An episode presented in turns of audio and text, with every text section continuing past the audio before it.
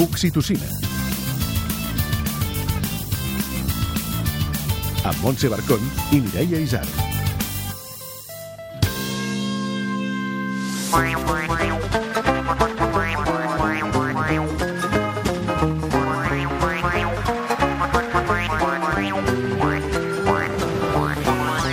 Aquesta setmana, un dels experts que visitaran el manual d'instruccions és el xef Juan Llorca, que s'ha proposat millorar l'alimentació infantil, especialment en els menús escolars. I vindrà acompanyat amb la nutricionista i dietista Melissa Gómez. Junts han publicat el llibre En boca de tothom. També sabrem com viu la paternitat Jair Domínguez, el tu tots tothom. Tindrem, com sempre, un maconi del Xavi Cazorla ple de bon humor i ironia. El conte de l'Amor Mas i alguna coseta més. Tot això a l'Oxitocina!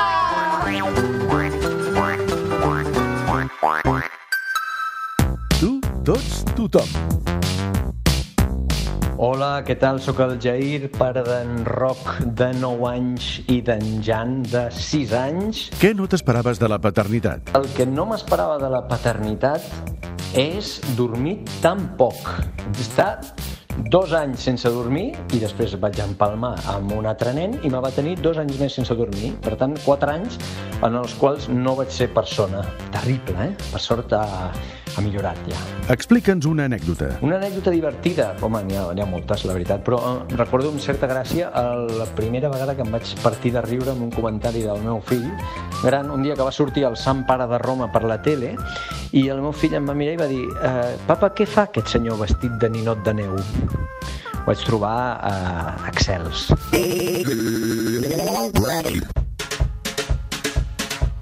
Manual d'instruccions.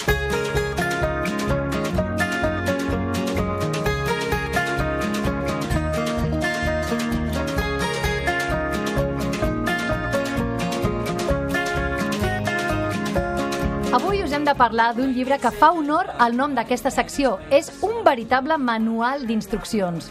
I no és un tema menor, que diria aquell. Parlem de nutrició infantil.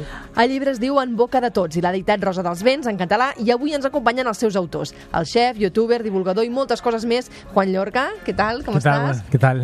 I la dietista nutricionista Melissa Gómez, com estàs? Hola, què tal? Gràcies. Benvinguts. La panxa ens fa soroll, la boca ens saliva, no es fer volar coloms, és que la gana arriba.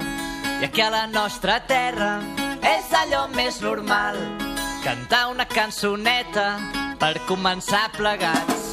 Som-hi tots i a menjar, una amanida un tros de pa, Juan. Tienes muchísimos seguidores en las redes sociales, eres una- un auténtico fenómeno. Hasta nuestros oyentes nos habían pedido que te entrevistásemos, o sea, cuando llegó la llamada era como ¡ah! ¿En serio? Sí, sí, sí, sí, sí, sí, sí. Pero mucha gente te descubrió por el revuelo que hubo cuando dijiste que no pasaba nada si un niño se iba a casa a la escuela sin desayunar. Hubo muchas opiniones, mucho debate y hasta salidas de tono desagradables, Sí, ¿no? algunas que otras. ¿Te esperabas esa, esa reacción? No, no, para nada. O sea, yo cuando en el momento, sobre todo fue por Twitter donde estuvo todo, todo el follón, ¿no? Y habían personas concretas de Twitter que nunca jamás me hubiera imaginado que hubieran criticado esa, esa afirmación. Es más, o sea, si tú lees el contexto entero de lo que se habló ahí, lo puedes entender mucho mejor que si sacase un momento el, el titular. Pero aún así, el titular no- no- nunca pensé que desembocaría en algo así, ¿eh? Nunca, nunca. ¿Qué conclusiones has sacado de, de este revuelo, no? Wow, que hay que tener cuidado con lo que dices. no, más que tener. No, creo que porque no, no, para nada estoy en contra de lo que dije y lo volvería a decir perfectamente, ¿eh? no tengo nada en contra. Pero sí que eh, me di cuenta de. Es que si te lo digo, igual no quedó bien. Va, va, tú tira, tú tira, tú tira. No, hay, hay personas que de verdad me defraudaron mucho en cuanto a, al- al personas muy concretas que recibí comentarios de ellos, sobre todo los primeros comentarios que recibí que fueron de ellos, que jamás hubiera imaginado que esas personas criticaran algo tan concreto. No, no, nunca imaginé que personas que se dedicaran a la ciencia, a la divulgación, criticaran eso. Bueno, y sobre todo porque estabas diciendo que podían ir a la escuela sin desayunar, más que nada porque luego podían comer cuando tuvieran hambre, básicamente, Sí, ¿no? Y O que, sea, no- y que no responde está diciendo que lo hagan de por vida, Claro. sino que fuera algo puntual, ¿no? Sí, sí. Bueno, Bueno, Las maneras, supongo, ¿no? Más que... Porque la discrepancia siempre está bien, pero... Es la forma, si tú puedes, tú puedes, tú puedes debatir cualquier cosa y puedes estar en contra y hablarlo perfectamente, pero no decirlo como se dijo muchas veces. Y ahí fue que... Para mí fue fue el momento más complejo que he Un toque, ¿no? Ahora, ¿no? Sí, Claro. sin Uy. duda. Melissa, ah, ya, ya habíais sacado juntos otro libro, Sin dientes y abocados, y ahora sacáis una auténtica guía para alimentar niños mayores de 12 meses. Sí. Porque habéis visto esta necesidad de publicarlo. ¿Hay, hay poca información o mucha y muy confusa sobre el tema de nutrición infantil? me, de- me inclinaría un poco más por mucha y muy confusa. Eh, hay muchísima, muchísimos mitos que aún a día de hoy eh, permanecen allí en el aire y son dudas que creo que tanto en consulta como a través de redes sociales y de nuestro trabajo divulgativo eh, nos llegan y se repiten una y otra vez. Entonces dijimos que tal si aquí las recopilamos como las respuestas más, mm, como de, de forma como más sencilla, más práctica, más llevada al día a día y además vienen de la mano de las recetas de Juan que son una maravilla. Buah, hacer una pinta, Así el que, pesto, que ay, más ay. fácil que hacerlo así. O sea, ya tienes la teoría, luego tienes la práctica, lo puedes hacer como en conjunto y comer en familia a partir del año hasta ya la adolescencia. Genial, sin, sin que haya trabas, ni mitos, ni obstáculos allí. Ahora iremos a por ello.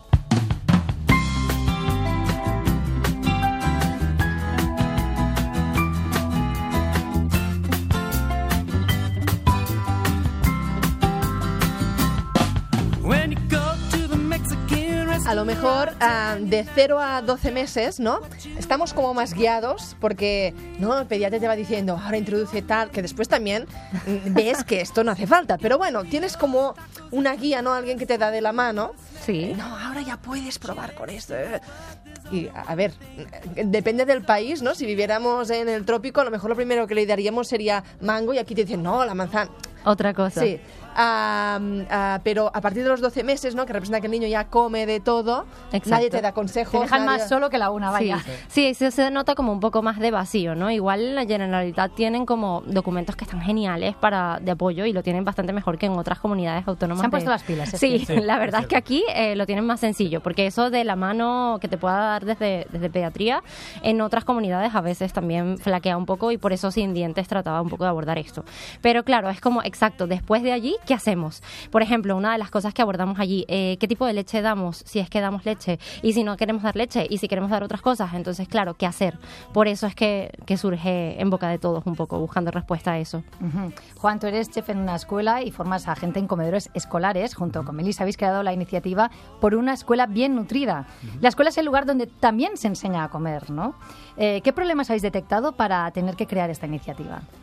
Hombre, el principal, a ver, como tú dices, la escuela para mí forma parte de la educación alimentaria de un niño en cuanto a, no solo a nivel de qué se come en cuanto a los alimentos, sino también el momento social, que eso incluye el comer. O sea, al final eh, nos damos cuenta que en las escuelas es como un mero trámite el hecho de llegar, llegan, comen y se van corriendo, ¿no? Y no les prestan atención, es momentos muy rápidos, donde hay poco tiempo, donde es, hay mucho ruido, mucho el adulto, el adulto está siempre ahí encima de ellos, como obligándoles a comer de alguna manera. Entonces nos dimos cuenta de que, que eso no podía ser, ¿no? O sea, el momento de la comida no puede ser un trámite y ya está. Tiene que ser un momento sociable donde los niños sociabilizan igual que en el patio, no porque en el aula están trabajando o están haciendo cosas.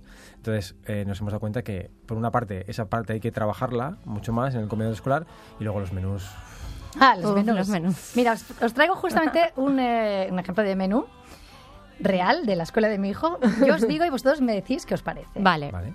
Arroz a la cazuela con costilla de cerdo y de segundo bacalao con aioli y yogur de postres. Mm, Vale, ¿y la fruta?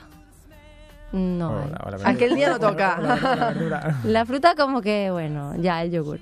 Sí, yo creo que nos lo vemos constantemente, que hay una oferta excesiva de proteínas. Ya tienes en el primer plato costilla, luego tienes bacalao, luego tienes yogur. Realmente Son hay- tres proteínas sí. en, en Faltaría en verdura, exacto, faltaría verdura, faltaría frutas, creo que sí que puede ser mejorable. También estamos viendo, es verdad que un solo día, pero...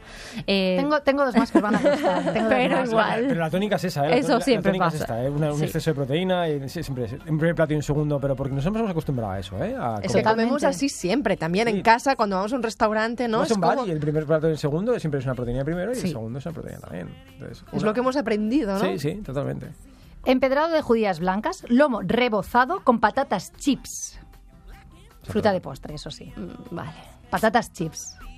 Y por lo menos las primeras, es que Eso, con las alubias la- la- hubiese sido suficiente. Exacto, ya es una Sí. proteína, ¿no? Sí, hubiese O sido... sea, lo, lo mejor hubiera sido que la, la, la alubia hubiera estado de segundo y de primero poner alguna verdura. Sí. Y Hubiera ahí sido ya tienes la proteína completa, ¿no? Claro. Y los rebozados creo que no deberían, creo que incluso por ley no deberías usarlos más de una vez al mes o algo así, es como algo súper puntual.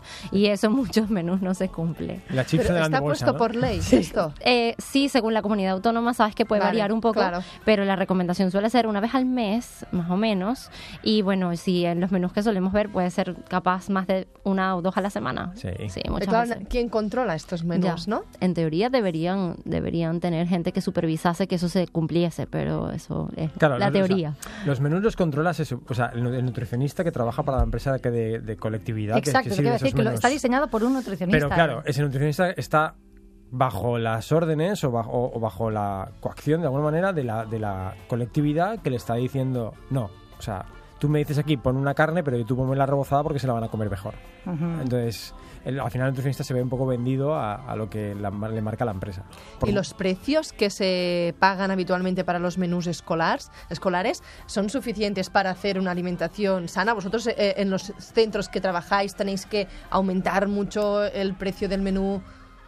No, no, para nada. Mira, en- es más, creo en Cataluña tenéis el precio más elevado de, la, de toda España en cuanto a los comedores escolares. O sea, Las públicas son seis las- y medio aproximadamente. Sí, el público, o sea, el público en Cataluña es el, el más elevado que hay en cuanto a, a la elaboración del menú. Porque lo más pequeñito está por Andalucía, que está en tres y pico, y Valencia, por ejemplo, estamos en 4,20.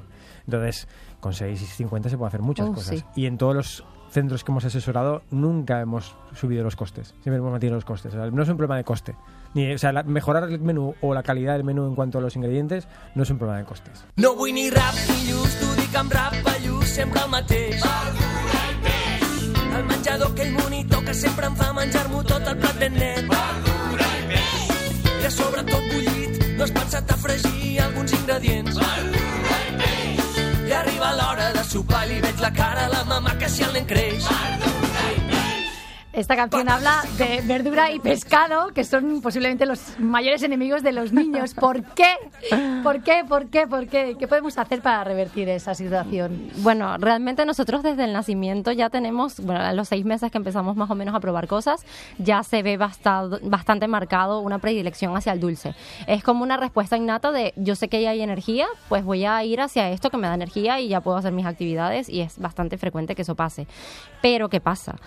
Estamos dando bastantes azucarados a niños de seis meses en adelante y eso ya está como mal acostumbrando el paladar a solo recibir ese tipo de, alimentos. Y cuando quieres dar una verdura, que es lo que le decimos muchas veces a las familias, si tú pones a competir unas galletas o unos procesados con el sabor de una manzana tal cual, aunque puedas esperar porque por maduración esté lo más dulce posible, y ya ni se diga con un calabacín o con una calabaza o con eh, vegetales también, nos cuesta mucho, mucho, mucho que lo acepten. Sí que se pueden hacer cosas, Juan tiene algunos trucos también. A ver, a ver, explica No, trucos. no, más, que, Pero- más que trucos, o sea, realmente yo no estoy de acuerdo en cuanto a... Yo, yo nunca estaré de acuerdo en esa afirmación de que los niños la verdura y el pescado es lo más complejo, porque para mí, los días que, por ejemplo, hace dos días... No, sí, o sea, me refiero en los No, comedores- pescado, pescado, o sea, no. Hombre, para los niños no. de tu escuela seguro que no, Claro, amigo, porque no estoy. unas croquetas No, pero hace cosas- poquito hicimos unos eh, un salmón con... O sea, los días que hay pescado, yo, no- yo, yo cada vez tengo que pedir más pescado semanal porque no me llega... Yo, yo tengo una previsión anual, ¿vale?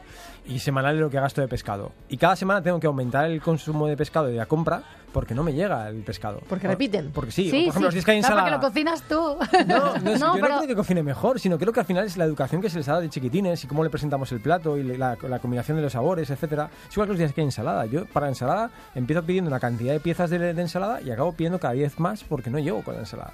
Entonces, cuando es me- importante cómo lo presentas, ¿no? Sí. Contabais en el libro, hacerlo en trozos pequeñitos, hacerlo agradable a la vista, que haya muchos colores, ¿no? Sí, sí, es importante la, presentación como el sabor. O sea, al final los niños, oye, les tiene que gustar la comida Claro. como nosotros. Y son los más complejos en cuanto a que te tiene que gustar. O sea, es el, el comensal más complejo que he tenido yo nunca, ¿eh? El- Un niño. ¿Sí? Sí, sí, sí. Tú en un Es restaurante... el reto más grande que has tenido, más que tener un restaurante. Sí, sí, sí. Tú, vas- tú en un restaurante tú vas a cenar y la, la cena no te acaba de gustar mucho la comida, te preguntan ¿qué tal? Y tú rara vez dices, no me ha gustado. Tú te dices, ah, pues sí, muy bueno, gracias. Pero el niño no, el niño te dice, ¡Qué asco! Sí, no me gusta. Y, y tal cual, y se queda tan tranquilo, tan pancho. Entonces, sí, sin duda es el comensal más difícil que he tenido nunca. A ti te gusta también compartir la, la mesa con ellos, ¿no? Y ver sus reacciones. Sí, y- yo, yo estoy todos los días con ellos en el aula y todos los días cuando llega la hora de comer me siento en una silla cerca de ellos y veo cómo comen, cómo interactúan con la comida, cómo de alguna manera cómo se relacionan entre ellos a la hora de comer. Y eso me ayuda a mejorar el menú o me ayuda a mejorar los momentos de la comida que podemos hacer para que mejore ese momento. En el libro habla- habláis de todos los temas que abarca la nutrición infantil y es que no os dejáis ni uno, ¿eh? de verdad. Me, me ha sorprendido mucho lo completo que es este libro, de verdad os lo Qué digo. ¿eh? bueno. Hemos elegido algunos para comentar. Por ejemplo, el tema de las cantidades.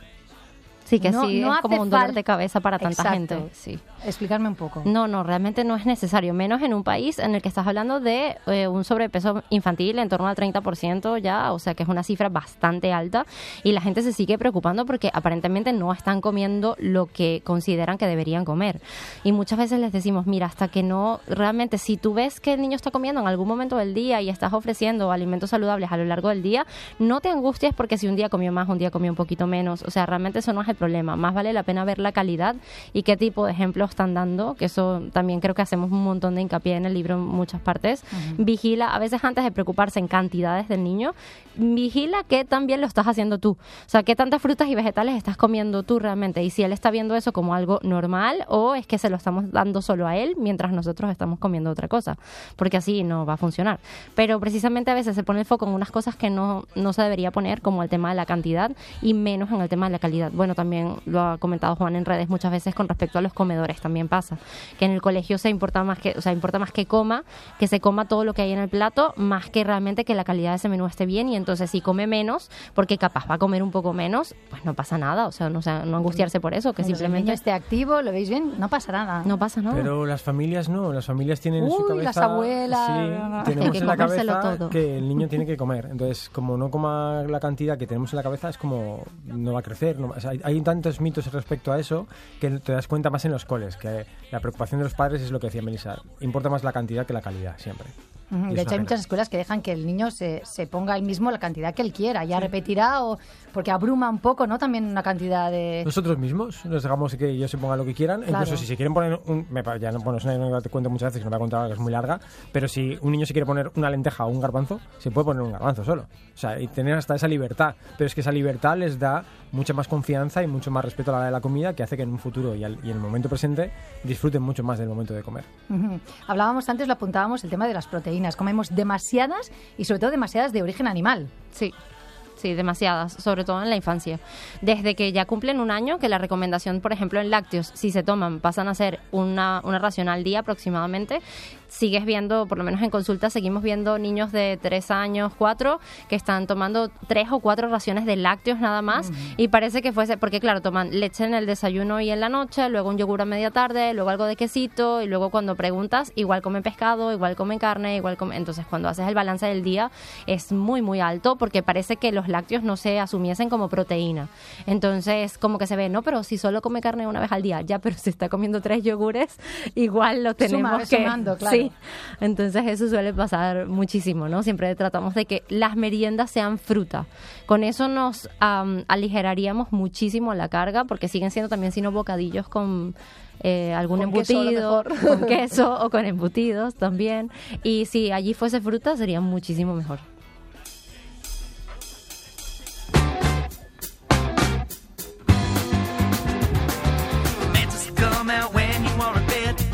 Problems when you're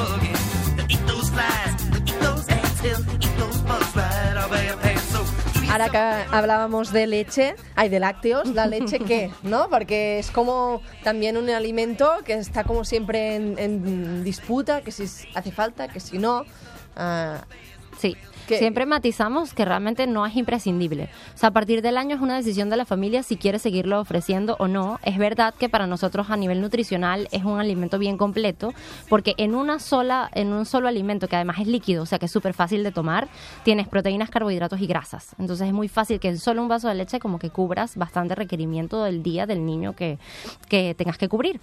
Pero no, eso no quiere decir que si tú tienes que retirar los lácteos, bueno, tienes de hecho los niños que son alérgicos a la proteína de leche, como familias vegetarianas o veganas que decidan no, no ofrecerlo, tú no vas a poder encontrar esas proteínas, carbohidratos, ese calcio, esas grasas en otros alimentos. No hay ningún alimento imprescindible. No, no, no hay. A partir del año siempre decimos que no, porque antes del año, si no tienes leche materna, tienes que dar una fórmula. Entonces ahí sería como un poco, necesitas uno La o el otro. excepción, La claro. excepción. Pero a partir del año ya puedes sustituirlo todo. muy bien. El azúcar, nos dicen, hasta el año no, pero sería siempre que se pueda evitar, ¿no? Sí. El azúcar, ese tema, Juan. Está muy callado, está muy callado. No, no, porque me dejó Melissa, que es la que realmente entiende todo esto, pero, pero es que el azúcar no tiene más, no- más explicaciones. Y mira que se habla, es que aunque hablemos hasta que nos cansemos del azúcar y de lo que nos está repercutiendo en la salud y lo que repercute en los niños, en, en- sobre todo en la infancia, da igual la cantidad de veces que hablemos sobre eso, que se sigue ofreciendo el azúcar como parte de, la- de una infancia más feliz. O sea, al final es que se asocia el azúcar y los productos azucarados con la felicidad de la infancia. Entonces, hasta que eso, eso no nos quitemos de la cabeza, que no vas a ser más infeliz, no vas a hacer más infeliz a tu hijo o tu hija por no darle productos azucarados, eso no va a cambiar. Y da igual lo que hablemos y la cantidad de veces que digamos que no es sana y que, y que no es bueno para la salud, que no va a cambiar nada. El otro día decíamos con un amigo que cuando éramos pequeños el tabaco se anunciaba, ¿no? Sí. Y estaba presente Sí, sí, y ahora es como imposible porque por ley por fin se, se cambió esto, ¿no? Ah, y en cambio tú vas al supermercado y, y, eh, y en la donde los niños tienen la vista y todos los produ- Todo. productos de estos galletas tal, además con un packaging sí, muy atractivo para ellos, Sí. que a lo mejor dentro de 10 años, yo qué sé, está prohibido que sea así, Ojalá. ¿no? Porque si ya sabemos que es malo, si ya sabemos que es malo, ¿cómo es que se permite Sí. esta publicidad, estos packagings vistosos? Es una locura y además si no, la gente intenta buscar alternativas, pero no como lo que comentábamos de ofrecer fruta, sino que nos inundan a preguntas de, vale, ¿y si uso miel? ¿Y si uso jarabe de, mm, aga- o sea, sirope Ya. de agave o jarabe de tal? O buscar sustitutos, cuando No realmente deberíamos no endulzar. Entonces, y claro, si haces un eso- pastel, dátiles o, o O plátano. fruta. En tus recetas muchas Exacto, veces, plátano. eh, exacto, el mismo plátano endulza, ¿no? Sí, sí, Un plátano maduro endulza mucho en un pastel. Mira, justo ayer hicimos un bizcocho en la escuela y todo lo hicimos con plátano, endulzado con plátano. Entonces no, no hace falta realmente gastar azúcar. Pero es lo que dice Melissa, la, la gente busca muchas alternativas. Ah, ah, vamos acabando. ¿Cómo, ¿Cómo tiene que ser una comida sana y completa? A ver si lo aprendemos de una vez. Vamos a tomar apuntes. A ver, es, yo creo que es bastante sencillo si se guían por, la, por el plato, que de hecho en el libro está también. El plato Harvard. El plato Harvard es como una guía visual súper práctica y súper útil. Y si te fijas en el plato, la mitad es verduras, eh, siempre verduras y frutas, dependiendo de la comida, ¿no?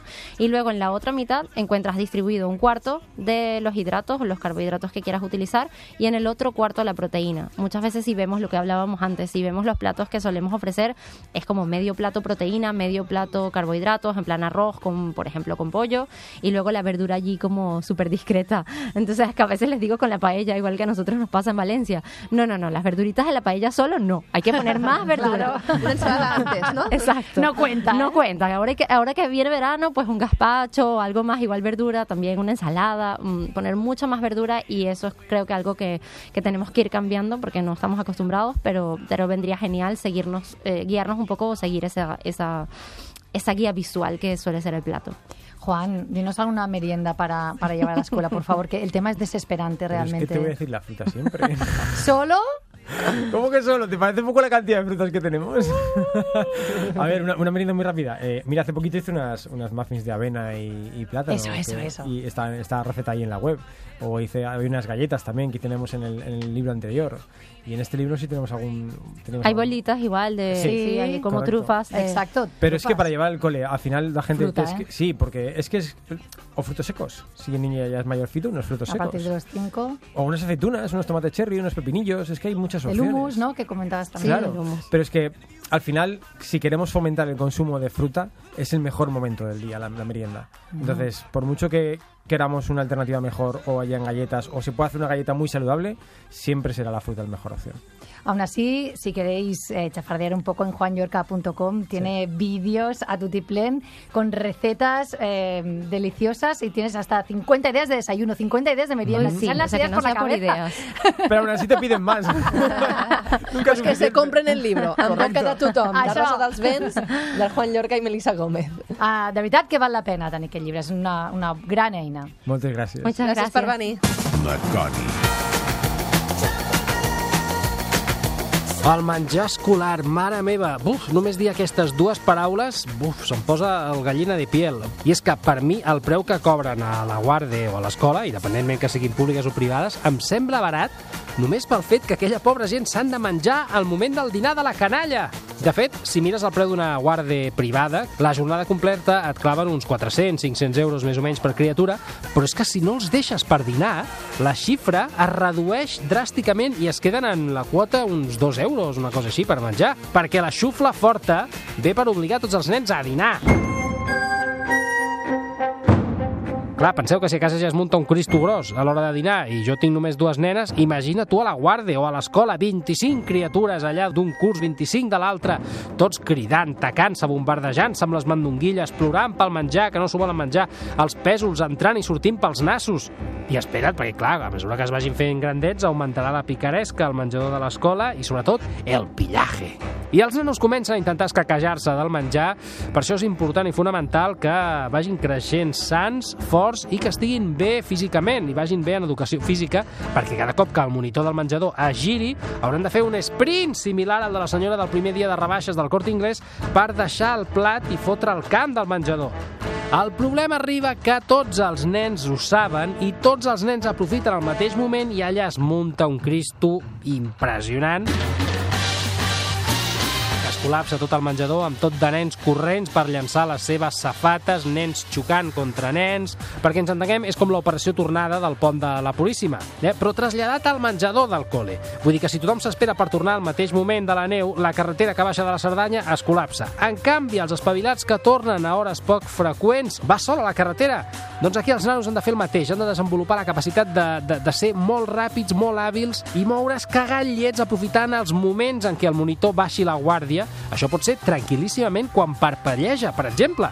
Aquell microsegon de parpelleig ha de servir al nostre fill per anar-se movent pel menjador com un ninja, amagant-se darrere de les ombres fins a aconseguir deixar el seu plat. I si no, els queden els recursos de sempre. Amagar-se al menjar, allò de guardar-se els cigrons a les butxaques de la bata, embotir-ho tot dins el got de plàstic i girar el got perquè es quedi allà que un cop l'aixeques és com un castell de sorra de la platja i exactament igual, fotre's les anelles de calamar al braç com si fossin una pulsera, obrir l'os del pollastre amb el ganivet i amb molt de compte ficar-hi dins els granets de l'arròs, aquest tipus de coses.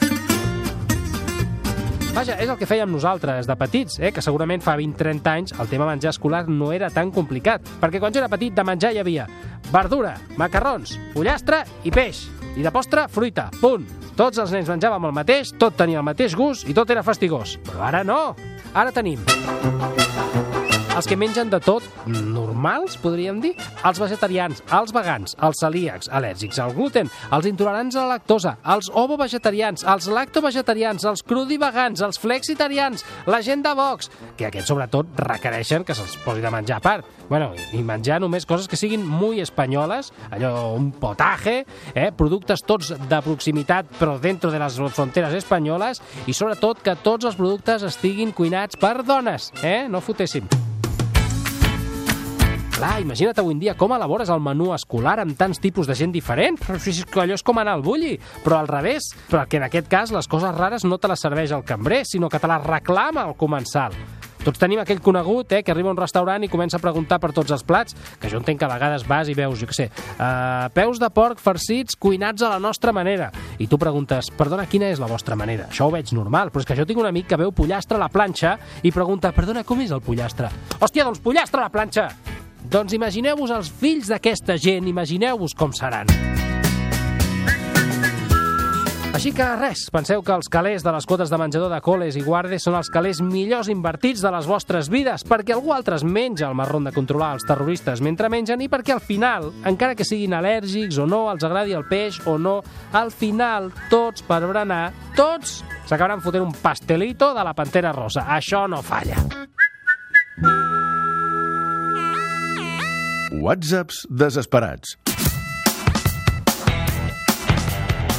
Em desespera que tothom es permeti la llibertat d'opinar sobre la meva criança amb el meu petit, un cop darrere l'altre. You work it out. Contes d'un minut, amb Montmas. Diuen que si aquest Sant Joan et vols convertir en bruixot o bruixota, cap a Olot has d'anar. T'has de situar en un encreuament de camins i allà esperar. Si ets un noi, et vindrà a buscar un gos negre. Si ets una noia, et vindrà a buscar una gallina negra. Els has de seguir. I així, seguint, seguint el seu pas, lent, arribaràs una clariana en el bosc. Allà t'esperarà el maligne. Acte seguit, es baixarà els pantalons. Li hauràs de fer un petó al cul. I després signaràs un contracte. I ell també et petonejarà. Diuen que quan tornis tindràs una berrugueta en alguna part del teu cos. Llegenda tradicional de la Vall d'en Bas. I ara, com sempre, un missatge des de l'Ofici d'Educar. Aquesta setmana l'Ofici d'Educar hem entès que no hem de desaprofitar el poder de la dansa a l'escola. Ens ho ha explicat la Montserrat Ismael, que és pedagoga del Mercat de les Flors i del projecte Tot Dansa. Si parlem de dansa a l'escola d'infantil i primària, seria una dansa creativa d'experimentació. Quan parlem de dansa, en aquest cas tot dansa, és a l'institut de secundària. I en un institut pot ser una optativa. També hi ha un apartat molt xulo de tot dansa que és Xafes l'escenari. Amb aquest projecte arriba al final, aquesta coreografia es farà al Mercat de les Flors. Això vol dir, nosaltres el que diem sempre a tots els joves que venen és xafaràs l'escenari com molts coreògrafs i molts ballarins importants internacionals l'han xafat amb el mateix nivell de professionalitat. Tindràs les llums i la tècnica igual i el tracte igual que una companyia professional. Si fem el símil, tot i que no m'agrada, fem el símil amb el futbol, seria xafes un escenari que l'ha xafat Messi. Un consell per acabar. Cap, cap consell. No pots donar consells. Com a pare, tu no pots donar consells a altres pares perquè cada fill és una aventura, és un món, és un ésser màgic eh, que et tornarà boig i et farà esclatar el cervell. És tot el que puc dir. Sort i salut. La dosi d'oxitocina setmanal s'acaba aquí. Si en voleu més, en trobareu al grup de Facebook, al blog del programa i al podcast.